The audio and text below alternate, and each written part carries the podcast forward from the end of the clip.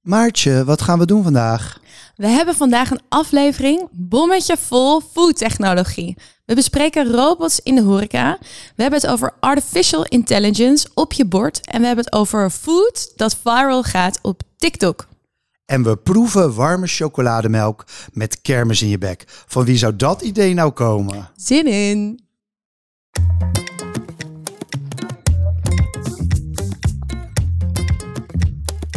Professionele eters Maartje Nelissen en Gijsbrecht Brouwer vreten zich sneller door het laatste voernieuws dan door een zak M&M's.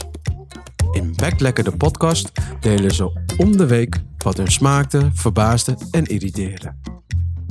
De lekkerste ontdekkingen, licht verteerbare eetweetjes en verse trends. De foodpodcast voor iedereen die beter kan eten dan koken. Laat mij van wal steken. Een Rotterdamse horecaondernemer benaderde mij en zei... Ik heb een trend gespot. Oeh, en toen zat jij rechtop in je bed. Ja, ik zat natuurlijk meteen, eh, dacht ik van, hier moet ik wat mee. Kom maar door. En hij zei, eh, restaurantnamen op borden. Oeh, dus dan bedoel je van die borden met een tekstje op de rand, zoals we eigenlijk al langer zien bijvoorbeeld bij ehm, George in Amsterdam of Café Buur? Ja, of zoals je de meeste zaken in Frankrijk ziet. Hè. Denk aan uh, Bouillon Charté bijvoorbeeld. Het is echt zo'n dingetje. Altijd als ik zo'n bord zie, dat is wel grappig. Ik vind het zo'n dingetje dat als ik zo'n bord zie, dan stuur ik dat door naar een vriendin van mij in Groningen. En als zij dat ziet, stuurt ze het weer naar mij door. Oh, wat leuk. Volgens mij is dat Anouk of niet? Want die is ook een heel trouwe luisteraar van deze podcast. Ja, precies zij ja. Ja, wat leuk. Hey, en wat zijn dan je favoriete voorbeelden van eh, restaurants met, eh, met deze borden? Ja. Nou, ik zeg, jij zei natuurlijk al terecht, George. Die heeft het wel een beetje groot gemaakt in de Ja. hoofdstad. Ehm, maar veel Franse, ja, veel Franse bistro's hebben het. In Rotterdam bijvoorbeeld Café Marseille. En in Parijs zie je het bijna altijd overal. En dat vind ik altijd heel grappig. Want als je dan de Insta van Mara Grim volgt. En dan heeft ze weer zo'n heel mooi gecureerd plaatje. En dan staat er altijd zo precies waar ze zit te eten op het randje van het bord. Ja, dat is echt genieten. Mara Grim die oont deze trend echt big time. Mara Grim is de culinaire recensent van het, eh, van het Parool. Het viel mij ook inderdaad op. Zij deelt dat heel vaak, maar ze woont ook gedeeltelijk in Parijs.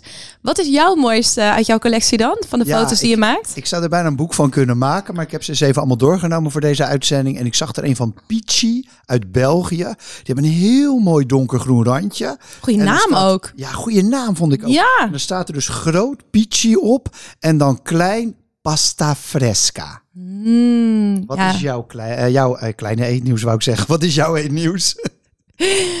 ja, ik zei tegen jou, ik heb een beetje kut eetnieuws.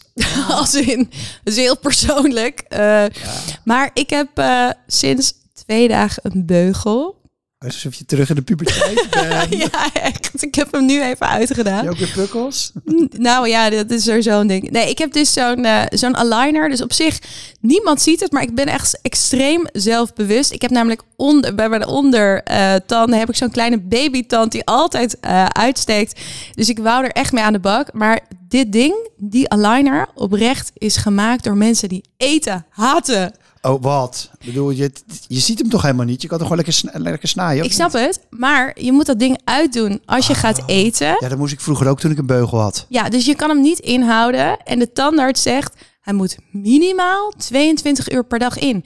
Ik weet niet hoeveel uur jij eet op een dag. Dat is, Maar dat is 22 uur per dag bij mij. Ongeveer, ongeveer. Nou, en wat dus echt heftig is, is dat ding inhouden is echt prima. Niks aan de hand. Ik, ik wen er wel aan.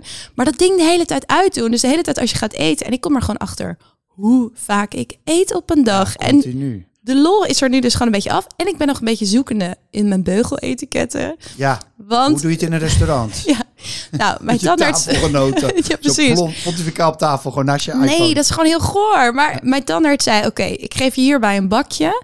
Die moet je altijd en overal mee naartoe nemen. Nou, Dat is vast wel gelukt bij jou, toch? Tuurlijk, heel goed dagen. gelukt. Nou, ik was bijvoorbeeld gisteren met eh, de man een spontaan hapje eten bij Chateau Amsterdam. Die Urban Winery, super mooie zaak, hebben ze geopend in Noord. Ehm, en toen dacht ik, ja, we hadden ook lekker een hapje eten besteld. En ja, ik ga echt niet dat ding aan tafel uitdoen. Maar ze hebben zo'n hele grote, gemengde, genderneutrale toiletten. Dus mannen en vrouwen samen. En dan zit ik daar zo Je stond heel charmant. dat heel charmant voor de spiegel. Ja. Weet je wel. En natuurlijk was ik dat bakje vergeten. Dus dan moest ik die beugel in mijn broekzak Oh, proppen. Dat is Dat echt is heel echt vies, is dat. Oh. gadver. Dus Maar ehm, Jij was niet eh, doorgaan met je dry January, had ik het idee. ik had het idee Niet dat per se. vorige keer zei, je gaat misschien wel dry No. February, toch niet. Moet je niet gewoon even liquid doen? Liquid dinner gewoon de komende tijd, dat je dat ding hebt. 44 weken liquid dinner. 44 weken, maar oké. Ja, ja. Nou, ik, ik ga me wel redden. Ik vind een manier. Lieve luisteraars, super leuk dat jij weer luistert. We zijn zo blij met jullie en we vinden het fantastisch om deze podcast te maken. Mede wat het zo leuk maakt zijn jullie leuke reacties. Ehm, voor deze week luisteren we even naar een voice memo die Birgit ons stuurde. Die had namelijk een super interessante vraag over kaasetiketten. Oké. Hoi Maartje en Gijsbrecht. Birgit hier, enorme fan van jullie podcast, maar ook een enorme fan van kaas. En daar heb ik eigenlijk twee vragen over voor jullie. Allereerst, waar hebben jullie de aller, aller, allerbeste kaasplank ooit gegeten? Binnenland, buitenland, vertel het me. Waar moet ik naartoe? En ten tweede, ik vind eigenlijk niks leuker, lekkerder dan een diner af te sluiten met een kaasplank. Goede fles rode wijn erbij. En gewoon nog urenlang natafelen en af en toe lekker een stukje kaas eten. Heerlijk. Maar ja, wat er natuurlijk dan wel gebeurt, is dat je eerst zoet doet en daarna kaas serveert. Wat natuurlijk tegen alle etikettenregels in is. Wat vinden jullie? Kan dit? Kaas na zoet? Of moet ik toch echt leren om eerst kaas te eten en daarna mijn zoete dessert? Ik ben heel benieuwd. Nou, laten we beginnen met de beste kaasplank. Ehm, wat is die van jou? Ja, die van mij is van eh Kev. Proeflokaal Kev, dat zit in Amsterdam-Noord. En je zou gewoon, hun hele zaak zou je gewoon willen dat het je huis is. Gewoon je woonkamer. En jij? Oh, ik hou het simpel. Eh, bij mij om de hoek zit Harry's in de Hoogstraat, Wine and Deli. En die heeft gewoon een van de beste kaasplanken van, eh, van Rotterdam. En het leuke is, alles wat je proeft in de winezaak, kan je meenemen in de deli. Zo slim. Ja, Hey, en qua etiketten heb je echt helemaal niks aan mij. Want ik doe gewoon lekker waar ik zin in heb. Dus kijk ik misschien even naar jou. Je hebt natuurlijk bij Librea gewerkt, hotelschool gedaan. Ja, ik ben daar dus best wel klassiek in geschoold. En het idee dat je natuurlijk eerst kaas eet en daarna nog dessert, is dat je toch wat frisser afsluit. Maar ik ben helemaal voor Birgit eh, haar aanpak. Je moet gewoon vooral lekker doen waar je blij van wordt. Hele goeie. Nou, dank je Birgit voor die leuke reactie. En heb jij een leuke reactie? Slide hem gewoon bij ons in DM's of stuur een appje, want dan pakken we hem de volgende aflevering weer op. En dan is het nu tijd voor... Foodnieuws. Hey, ik kom de laatste tijd zoveel dingen tegen rondom AI, artificial intelligence en AI en met name rondom eten, dat ik bijna dacht, zijn we dit vergeten voor onze trendspecial? Wat denk jij? En zou je, zou je iets eten wat door AI gemaakt is? Ja, ik noem het AI, maar misschien is dat mijn snobistische kant. Ehm, het hangt er wel een beetje vanaf in de eerlijkheid. Als ik die foto's zie van mensen met zes vingers, of van die hele creepy glimlachen, of mensen die eens een arm van twee meter hebben, dan denk ik, als dat mijn eten gaat maken, ik weet het zo net nog niet. Ja, je, dus je hebt van allemaal van die tools, want daar doel jij op toch? Dat je je foto, een foto van jezelf Ja, of een foto... En Midjourney. Ja, precies. En dan gooi je een foto erin en dan maakt AI er wat van. Of dan kan je er kunst van maken of dus eten of whatever. Ja, Ehm, klopt. Maar wat vind jij ervan? Nou, ja, ik, ik vind het dus wel echt een toffe ontwikkeling. En, eh, en ik ben wel nieuwsgierig wat het ons in de toekomst allemaal gaat brengen. Want ik denk dat het best wel veel is. Nou, wat brengt het dan? Nou, wat mij grappig leek, is dat ik dacht, laten we aan AI vragen wat er allemaal mogelijk is rondom eten en AI. Dus ik heb het in die chatbot gegooid. Eh, Ja, chat, ChatGPT. Precies. En ehm, nou, ChatGPT zegt hierover: kunstmatige intelligentie kan de voedselvoorkeuren en dieetbeperkingen van een persoon analyseren om gepersonaliseerde recepten en maaltijdplannen aan te bevelen. Maar AI kan ook recepten analyseren om voedingswaarde te bepalen en suggesties geven voor gezondere vervanging. Ik weet niet of je wel eens hebt gehoord van het bedrijf Vertify. Nee? Nou, die, die doen, dit bijvo- doen dit bijvoorbeeld. Dus wat echt tof is, ze hebben een tool ontwikkeld. Alle recepten die jij vindt online, die kunnen zij omtoveren tot bijvoorbeeld als je glutenvrij bent of als je plantaardig wil eten. met, eh, Of als je bepaalde dieetvoorkeuren of, be- of behoeften hebt. Tijdens Veganuary. Precies, had je veel aan gehad. Maar AI kan bijvoorbeeld ook food waste voorkomen door eh, de vraag van consumenten naar bepaalde producten beter te voorspellen. En eh, kan zelfs eh, voedselveiligheid optimaliseren door processen te analyseren. Nou, het wordt wel een heel technisch verhaal. Nou, het wordt vooral wij van VC Eend vertellen Ja, ja, ja. VC Eend is. eh, AI is wel heel blij met AI. Nee, ik heb het afgelopen jaar, eigenlijk een paar jaar eigenlijk al veel over AI gesproken. En hun fuzzy logic, machine learning, al die dingen. Ehm, ja, Jij bent medium enthousiast. ja. Weet je, ik ben. Nou, laten we mening nog even bewaren. Ehm, als we nou samen zouden fantaseren, wat zou jij dan het liefst doen met AI? Nou, wat ik vet vind aan AI is dat ik denk dat het misschien bepaalde dingen kan verzinnen op basis van informatie uit het verleden die wij helemaal niet kunnen verzinnen, weet je wel? Of waar, waar we helemaal niet aan denken, doordat we denken in bepaalde patronen. Dus waar ik echt kansen zie, is dat AI nieuwe ingrediënten eh, maakt of bijvoorbeeld echt duurzamere producten zou verzinnen. Dus gewoon hardcore machine learning, nieuwe vormen van Past heel goed bij jouw gedachten van Ja. de transitie. ja, nou, als je dus daar echt iets mee eh, zou kunnen. en dus je plantaardig vlees produceert eh, wat beter smaakt door de structuur en ook nog aantrekkelijk is. Ja, het lijkt mij best wel vet. En jij dan? Ja, ik zie gewoon voor me een soort perfect confusion generator. Dus oké, we hebben nu Japans, Oeh. Mexicaans gehad. En we gaan nu Cubaans, Filipijns doen of zo, weet je wel. Maar dat dat dan ook even doorrekent allemaal bedenkt. Bedenk je die combinatie aan ter plekke? Want ik, ik Ja. wil dat best wel graag eten Ja, eigenlijk. heb ik net... eh, ik ben Zullen we straks even... Ja, ja, ja, ja, jij bent ook een soort AI. Ja, nou wat dus ook kan, die vind ik dus wel echt heel logisch. En volgens mij kunnen we dat best wel snel al doen. Zijn teksten voor webshops ontwikkelen. Of bijvoorbeeld voor online menukaarten. Dat kan al alleen op basis van foto's. Dus je uploadt dan alleen de foto. En AI kan zelfs post voor je schrijven. Vind ik altijd een heel moeilijk woord. Post, Posts. post voor social media. Ja, er zijn in Amerika al diensten die dit aanbieden. En ook in Nederland zie je bijvoorbeeld Junior Lucht, weet je wel, van Kitchen Dojo, die is hier ook al mee bezig. Dus dit ligt al voor het, eh, voor het oprapen. En wat ik ook een leuke vind, en dat Ja. is echt, eh, je hebt AI die hele grote hoeveelheden data doorstruint. Bijvoorbeeld social media, alles op TikTok, alles op Instagram. En op basis daarvan nieuwe concepten voor de horeca. Niet, dat is vet. Nou, laten we daar eens mee testen. Maar ik wil nog heel graag één toetje erin gooien. Als we het hebben over er AI. nog eentje die al heel lang wil delen. Ja, klopt. Ik wil deze al zo lang delen met onze luisteraars. En elke keer past het net niet in andere afleveringen. Maar daar komt hij. Ik ken deze al een paar jaar, maar er is dus een website. Ik ga hem straks ook even delen op onze Instagram. En die heet food-hype.glitchme. Heerlijk, sowieso deze website naam.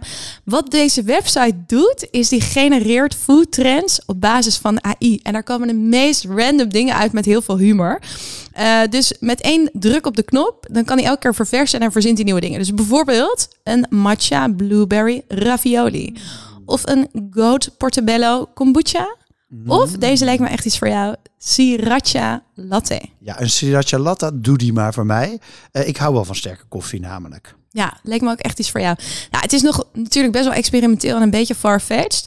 Maar jij bent nog niet onverdeeld enthousiast. Daar gingen we het nog even over hebben. Ja. Maar dat vind ik dus wel grappig, want jij bent wel heel tech-savvy. Dus jij vertelde me dat je als ongeveer de eerste op Facebook zat en op LinkedIn, op Twitter. Instagram. Ik had even de eerste iPhones in Nederland. Maar ik draai het even om. Weet je, ik heb eh ChatGPT maar gewoon aangeslingerd. Want ik Ja. vind je moet het ook gewoon gebruiken. Ja, vind ik ook. Ehm, en ik heb gewoon gezegd, ehm, schrijf maar een recensie en, eh, over dit restaurant in Rotterdam. Een, een restaurant erin gegooid. Slim. En wat kwam eruit? Niks, kan die niet. Geef Nee? aan. Dit kan ik niet, zegt hij dan. Oh, dat is wel eerlijk. Ja, nee, gelukkig wel. Ehm, dus toen heb ik gevraagd, geef me dan de vijf beste restaurants in Rotterdam. Die jij zou aanbevelen. Nou, dat kan je dan nog een beetje aankleden. Nou, ehm, daar kwamen wel gewoon vijf restaurants uit. Wil je ze horen? Heel graag. En waren het beetje jouw favorieten ook? Nou, ik zal ze eerst even opnoemen. De Papillon, Feng's Kitchen, Breda, Parkheuvel en De Jonge Dikkert. Ja, het is niet zo gek dat je verbaasd bent. Ja. Jij kent natuurlijk niet alle restaurants in Rotterdam. Nee. Maar Breda zit in Amsterdam. De Jonge Dikkert zit in Amsterdam. Ja. Er is een Le Papillon in Den Haag, maar niet een De Papillon. En Feng's Kitchen zit in Houston. Ja, en Parkheuvel is dan wel Rotterdam, Wel maar wel... Ja, dat was wel dan de enige die er goed had. Van Hm. de vijf. Dus jij... Een miskans van 80% Het is echt, echt wel een grote, grote error nog. Maar wel goed nieuws voor jou, want jij hoeft nog niet te vrezen voor concurrentie voor de buik van AI. Nee, en het gaat natuurlijk wel beter worden hoor. Maar ik, wat ik er lastig aan vind is, het verzint gewoon maar wat. Kijk, als hij inderdaad zei, ik kan dit niet, dat is een prettig antwoord. Ja. Maar als hij zegt, ik heb hier de vijf beste restaurants en vier zitten er niet in Rotterdam of bestaan niet, Hm. dat vind ik wel heel gevaarlijk. Ja. Ja, het is inderdaad altijd op basis van wat er geleerd is eh, uit het verleden. Dus ze creëren wel degelijk, bijvoorbeeld wat we net zeiden, die nieuwe ingrediënten, nieuwe gerechten met nieuwe foto's en, eh, en teksten. Maar ik denk dat de mens wordt natuurlijk ook belangrijk in deze toekomst. Dus wij moeten als mensheid gewoon veel betere vragen leren stellen, wat best moeilijk is, en betere omschrijvingen maken voor goede output. Want ik heb ook altijd, dit is altijd mijn, mijn wijste les van drie jaar werken bij de Bijkorf op het hoofdkantoor. Crap in is crap out. Nou, inderdaad. En in het begin was vuur ook gevaarlijk. En nu maken we Ja. er hele lekkere dingen van. En wat nu lelijk is en creepy, dat is natuurlijk over een jaar mooi en levensecht. Dat weet ik ook wel. En ach ja, wie kan het nou schelen dat een restaurant niet in je eigen stad zit, joh? Wat maakt het uit? Weet je? Ik hoor- ja, en Ik hoor ben veel scepticisme. Ja, er zit een klein beetje cynisme in. Maar, en ik, maar ik ben wel de eerste om te zeggen van als, als AI het medicijn tegen kanker vindt of de perfecte kaas zonder koeien maakt, dan ben ik natuurlijk de laatste om te zeggen van eh, het zal allemaal wel. Mhm. Nou, het klinkt toch wel. Misschien dat we toch even aan ChatGPT kunnen vragen of ze jou eh, daarbij kunnen helpen. Ja, want ik denk het is zoveel rotzooi allemaal, weet je wel. En eh, het is op social media heb je al zoveel rotzooi. En dan, eh dat, ja, hoe moet ik in godsnaam door al die rotzooi heen? Dus als jij nou een AI schrijft om door al die AI heen te komen, dan kan ik mijn AI met jouw AI laten praten. Is dat een idee? Ja, ik, ga- ik ga mijn best voor je doen. Gijsbrecht, over hypes gesproken. Heb jij meegekregen dat er een mega rij stond voor een frietzaak in de Amsterdamse Jordaan? Dat er zelfs een straat voor moest worden afgezet en dat het kwam door TikTok. Ja, ik zag het. Ik zag het zowel op TikTok trouwens ook als in, eh, in andere berichten. Ik heb ze nog niet eens geproefd. Ehm, dus ik heb ze maar een paar van die video's wat beter bekeken. En ik denk, ja, dit is toch gewoon friet met saus. En er was dan zo'n dametje wat dan in zo'n TikTok stem zei. Ja, dit is twice fried, bla bla bla. ik denk, ja, ik heb een tijdje met, met een frietbakker gedate. Twee keer frituur, dus al zo oud is de weg naar Rome. Dat doen zij sowieso al tien jaar. Ja, wat ik dus echt heel fascinerend vind, is waarom staat die rij nou daar? Want ik ben ook even gaan speuren op hun social media. Ik zat nog op hun Instagram te kijken. En het ziet er echt wel aantrekkelijk uit. Weet je wat, zijn mooie verpakkingen. Ehm, het ziet er verzorgd uit van nu, et cetera. Maar ook weer niet dat ik dacht, oh, dit is zo bijzonder vanwege dit of dat. Dus ik vraag me echt af, waarom moet hier een straat voor worden afgezet? Hoe werkt dat dan? Nou, het is grappig dat je erover begint, want de media hadden dit natuurlijk wel opgepikt. Hè. In één week pakken RTL en de Telegraaf dat samen op. Ja, Telegraaf had mij zelfs nog even een berichtje gestuurd van... Gijsbrecht, hoe zit dat in elkaar? Maar ja, de krant is onverbiddelijk, dus die was al gezakt. Dus ik was te laat met reageren. Ah, nou gelukkig kan je hier nog even je slimme meningen en insights geven. Dank je dat je me even het podium biedt. Ja, ja, ja. Maartje. Ehm, Tuurlijk. Nee, het antwoord is natuurlijk TikTok. Hè? TikTok, we hebben een algoritme en daar zit een soort zichzelf versterkende functie in. Ehm, ja, dus dan wordt het, als het eenmaal aangaat, gaat het steeds harder aan. Ja, maar die, die snap ik. Oké, dus, dus zo werkt het. Maar waarom dan wel Fabelfriet en niet de frietboutique of Poms? Of weet je wel, wat, wat zou er dan zo gepusht worden wat het zo aantrekkelijk dat, maakt? Dat is dus, de, vind ik. ham, dat is dus de hamvraag. Hè? Dus dat algoritme, de enige die dat weten zijn de Chinese ontwikkelaars. Is het grote geheim, wat ik ook oprecht heel spannend vind. Ja. De Chinezen hebben gewoon alle eh, eh, touwtjes in handen. En je zou het kunnen vergelijken met het eh, recept van Coca-Cola. Dus, maar ondernemers weten wel wat populair is. Is natuurlijk niet Ja. gek hè, die dit doen. Dus die kijken wat er in New York gebeurt, wat Ja. er in, in Beijing gebeurt, wat er in Shanghai gebeurt, wat er in Londen gebeurt. Ga maar door. En dan zie je dus dat er wel bijvoorbeeld die beef bulgogi sandwich van Ja. Chun, hè, die, die is dan heel populair. En wat zie je dan op TikTok? Daar wordt die ook populair. En daar staat dan ook een rij. Oké, en als we nou nu gewoon een hack willen meegeven aan eh, onze luisteraars die ook horeca-ondernemer zijn of ook viral willen gaan met hun food op TikTok. Oké, drie dingen. Drie dingen. Eerste is, je moet wel een gerecht maken dat viral kan gaan. Dus het moet er mooi. Jij zei net al, het ziet er mooi uit in een mooi Ja. bakje. Het is vaak street food of Ja. patisserie. Het is niet heel vaak een heel mooi bordje met, eh, met wat gemaakt is door Joris Beidendijk of zo. Weet je wel? Het zijn echt van die, van die een beetje ja, craving-achtige dingen. Comfort food, ja. Ja, dan de tweede is, je moet ook gewoon influencers inzetten. Dus je hebt van die speciale eh, TikTok-influencers, zoals broodjestesters en Amsterdam Eats. En eigenlijk is het gewoon een beetje ouderwetse eh, PR dus. Oké, en je zei al drie tips. Wat is drie? Ja, drie is eh, een ouderwetse internetwijsheid, spray and pray. Dus je moet maar gewoon heel veel proberen. En eentje gaat het op een gegeven moment doen. En dan ja, een beetje hopen op een algoritmisch gelukje. Hm. En je noemde net al chun, hè? Dat, dat is inderdaad op de Amsterdamse gracht. Dat zijn die, eh, die mooie Aziatische sandwiches. Wat denk Koreaans, Ja. Ja, Koreaans. Wat denk jij dat de volgende viral foods eh, gaat worden? ja, ik pak mijn glazen bol er even bij. Ik wrijf er even overheen. En ik heb er eigenlijk twee. En ik kijk voor allebei kijk ik diezelfde kant uit. Zo'n Hmm. beetje richting Korea, Japan, eh, Taipei, Taiwan. En dan zeg ik milkloaves en cream soda. Ik heb er sowieso nu al zin in. Maar vertel. Ja, die milkloaf is eigenlijk een beetje wat je het brood van wat je bij Chun al zag. Ja. Van dat hele dikke, beetje brioche-achtige met melk gemaakte brood. En dat krijg je ook in gekke kleurtjes. Bijvoorbeeld met taro gemaakt. Dan wordt het ineens Ja. paars. En cream soda, dat is echt helemaal geweldig. Daar pakken ze vaak een hele mooie kleur soda. Hè, eigenlijk prik, gewoon. hè. Ja. Dus met bijvoorbeeld lichtblauw, paars of wat dan ook. Een bolletje ijs erin. En dan een mooie, wordt een beetje mooi afgetopt bijvoorbeeld. Met een kerstje erop. Een cherry on top. Cherry on top. Jij, jij weet sowieso mijn eh stiekem zwak voor mierzoete cocktailkersjes. maar laten we afspreken dat zodra we dit ergens zien in Amsterdam of Rotterdam, dat wij het gewoon tegen niemand gaan vertellen en dat we gewoon rijen ver voor zijn. Zijn wij de eerste. Maartje, ben jij wel eens eh, door een robot geholpen in de horeca of ergens anders? Ja, zeker. Ik zat te denken, ik zit even te denken wanneer voor het laatst. Maar wat me bij is gebleven is, weet je nog dat ik vorig jaar zomer bij Pure Sea was? Jij hebt het nog gehad in de podcast. Ja, eh, gehad, ja. bij dat strandhotel. En toen hadden we dat geniale ontbijtbuffet. En daar hadden ze van die afruimrobots. En ik had het idee dat het vooral een gimmick was. Maar het werkte op zich wel goed. En wat ik zelf altijd wel fascinerend vind aan die robots in de horeca... is dat ik het vooral nog weinig in de Nederlandse horeca aan de voorkant zie van zaken. ja, ik was ook altijd van het kamp eerst zien dan geloven. En nu niet meer? Nee, ja, de robots worden gewoon echt bij bakken verkocht. Eh, ook in Nederland. Je, je verwacht het niet. Maar, en dan bedoel ik niet zozeer robots tussen aanhalingstekens, hè, van die slimme schermen of QR-codes, die natuurlijk ook Ja. technologie en, en, en automatiseren zijn. Maar echt van die robots op wieltjes die gewoon eten en drinken komen brengen. Ja, dat is wel slim. koffers dragen. Je koffers dragen. Oh, werkt dat dan? Ja, je ziet in veel hotels zie je dus al dat de robot de koffers naar de kamer brengen bijvoorbeeld. Hè, dan hoeft er niet meer zo'n porter hoeft er dan niet meer mee. En je ziet, ehm, wat is, zag ik nog meer? Ik zag bijvoorbeeld in Maastricht bij eh Dadawan, heb je dus een hele serie ketens van, Ja. van Chi- Chinese restaurants of in ieder geval Aziatische restaurants. Daar komen de, de, de robots komen je bordjes aan tafel brengen.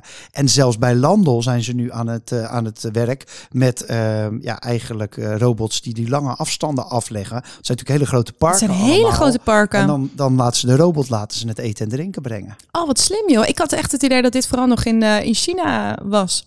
Nou, dat klopt natuurlijk wel, want het, het- daar is het echt veel verder dan bij ons. En daardoor komen ook bijna al die robots, die komen ook uit China. En het is ook gewoon wat meer maatschappelijk eh, ja, geaccepteerd. In Nederland zie je het eigenlijk dus vooral bij die grote restaurants. Of bij restaurants, en groot met grote aantallen bedoel ik, en groot met veel mensen die er zitten en lange afstanden. Dan, Ja. Want dan gaat zo'n robot zich terugverdienen, zeg Ja, maar. dus ik kan me ook voorstellen dat het dan pas uitkomt dat je een robot vervangt voor een medewerker eh, of iemand die de borden uithaalt, toch? Ja, klopt. Want dan scheelt het gewoon in, ja, gewoon in geld. En vaak is het personeel er ook niet. Maar ja, even een robot kopen is net zoiets als even een nieuwe oven kopen. Dat is gewoon Ja. best wel duur voor een Ja, precies.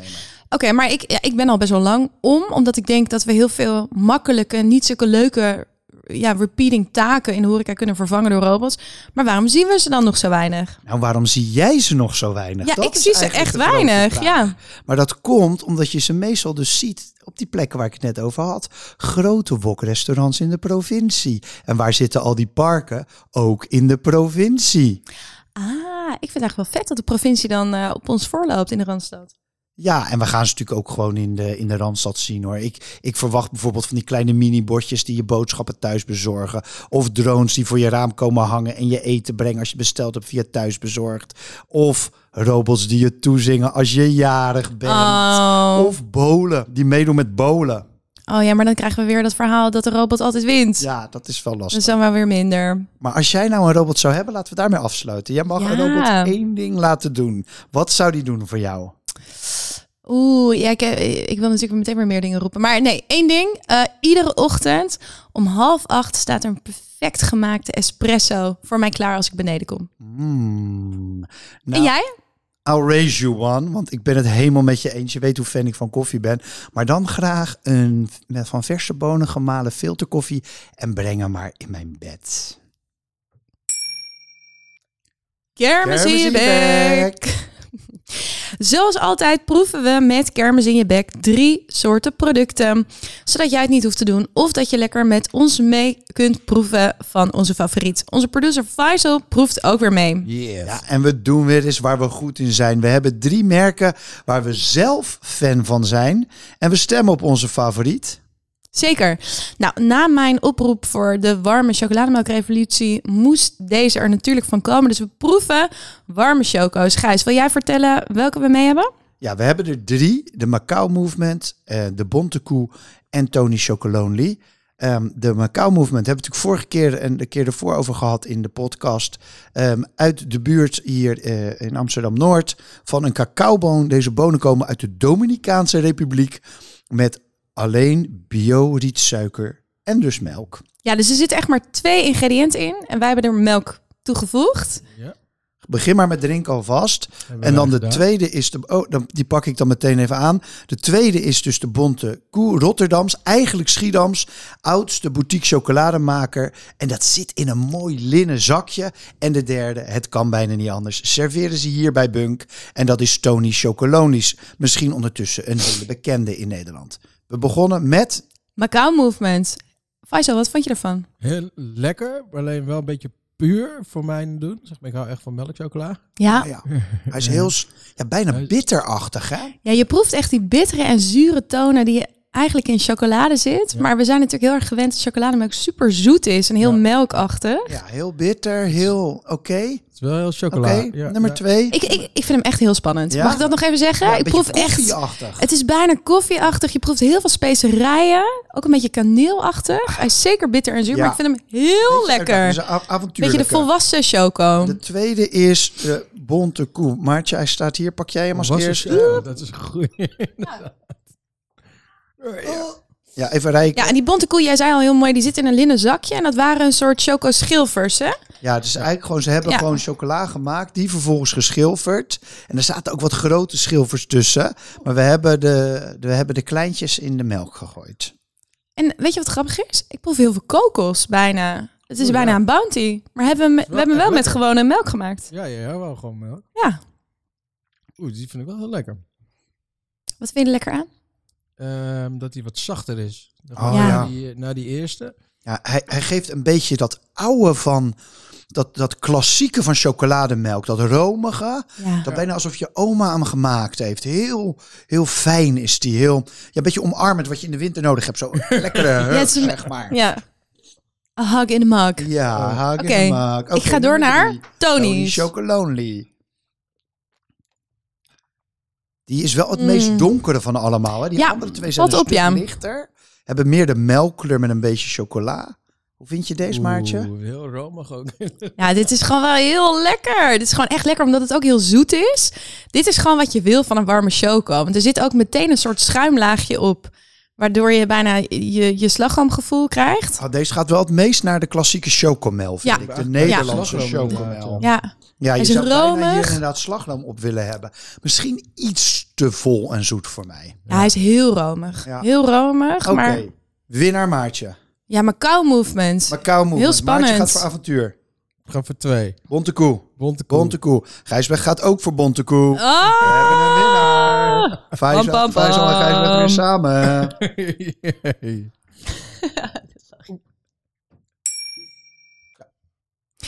Gijsbrecht, waar kijk jij naar uit?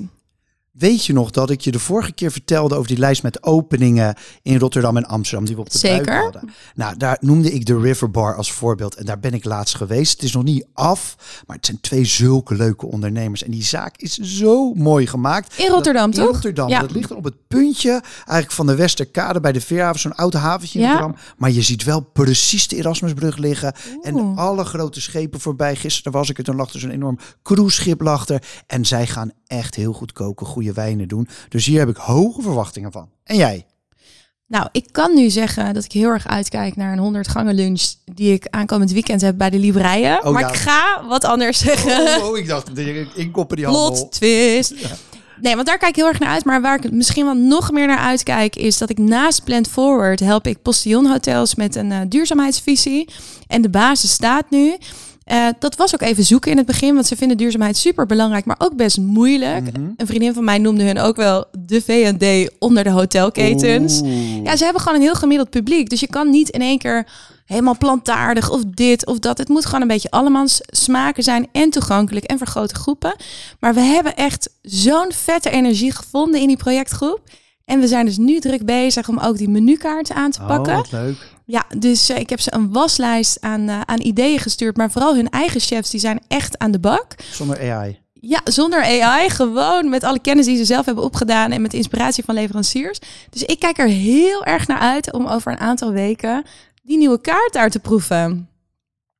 Dankjewel voor het luisteren. Dit was Back Lekker, de podcast vanuit Bunk in Amsterdam-Noord. Dank aan Gold Kimono voor deze lekkere tune. En aan Faisal voor de productie en het meeproeven van de chocomel natuurlijk. Vond jij dit een leuke podcast? Stuur hem dan door naar een van je vrienden. En vergeet niet onze podcast te raten in je favoriete podcast app. Heb jij nog foodnieuws of een leuk berichtje? Laat ons vooral weten via Instagram of LinkedIn. Je vindt ons als je zoekt op Back Lekker, de podcast. Tot over twee weken. Twee weken. reaching electric swing.